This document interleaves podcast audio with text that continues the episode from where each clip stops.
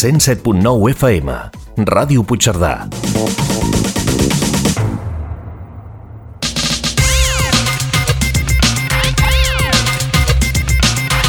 A la sintonia de Ràdio Puigcerdà, els dimarts a les 12 del migdia, Ciència en Colors, presentat per l'Enric Quílez, un programa de divulgació científica i tecnològica.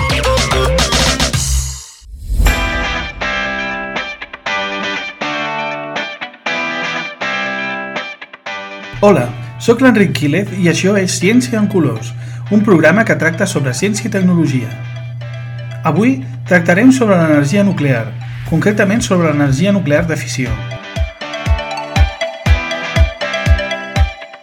Hi ha dos tipus de maneres relativament simples d'obtenir energia dels nuclis atòmics.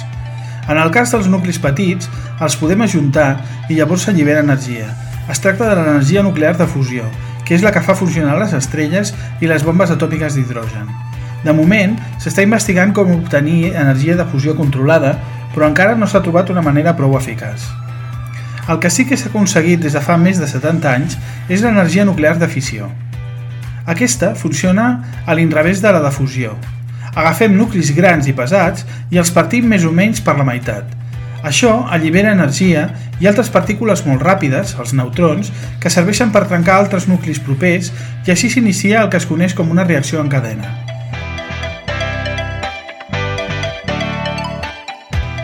Aquest procés és molt energètic. Una petita quantitat de matèria, per exemple, formada per nuclis d'un cert tipus d'urani, pot alliberar quantitats enormes d'energia. Quan l'energia s'allibera de manera incontrolada, tenim una bomba atòmica. Quan es fa de manera controlada, és a dir, es controlen les reaccions en cadena mitjançant certs processos físics, llavors podem extreure l'energia d'una manera útil, i això és el que fan les centrals nuclears.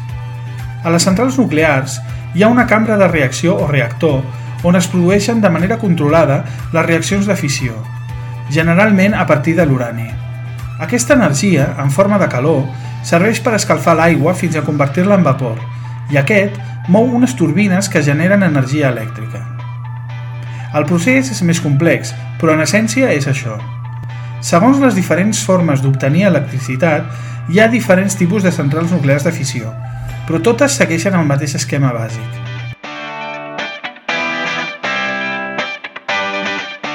La fissió nuclear es va començar a experimentar l'any 1934, quan el físic italià Enrico Fermi va bombardejar un banc d'urani amb neutrons, però els resultats no van ser correctament interpretats fins anys més tard.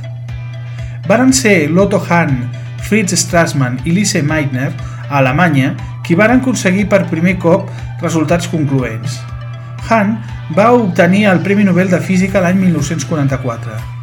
Lise Meitner, que era jueva, va haver de fugir de l'Alemanya nazi l'any 1938 i no se li va reconèixer el mèrit. L'energia nuclear de fissió arrossega una certa mala fama. Ha patit molt pocs incidents greus, però aquests, s'ha de reconèixer, han estat força sonats. El primer va ser a Harrisburg, Estats Units, a la central de Three Miles Island, tot i que va ser un incident menor.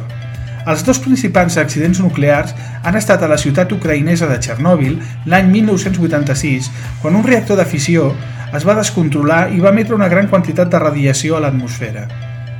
L'altre, a la ciutat japonesa de Fukushima l'any 2011, va ser conseqüència d'un tsunami que va impactar contra la central que es trobava al costat del mar. Un seguit de successos improbables es van donar simultàniament i també es va alliberar material radioactiu a l'atmosfera, tot i que va ser menys greu que el de Txernòbil.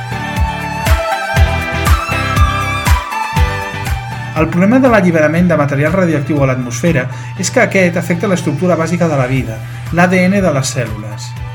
El pot malmetre o fins i tot destruir-lo i desencadenar processos greus com el càncer. La radiació és invisible. No la poden detectar amb els nostres sentits.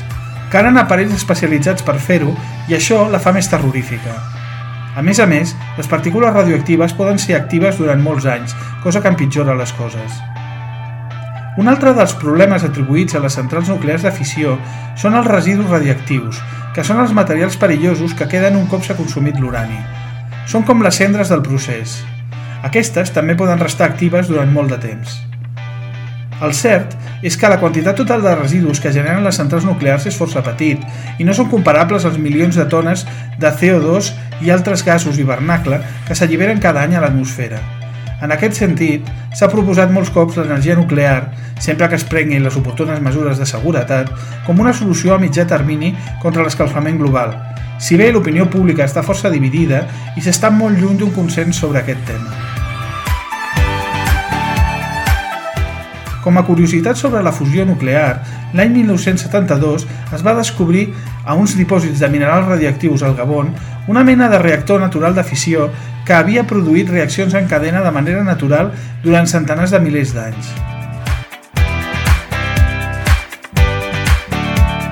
I fins aquí el programa d'avui. Al proper programa tractarem sobre l'altre tipus d'energia nuclear, l'energia nuclear de fusió.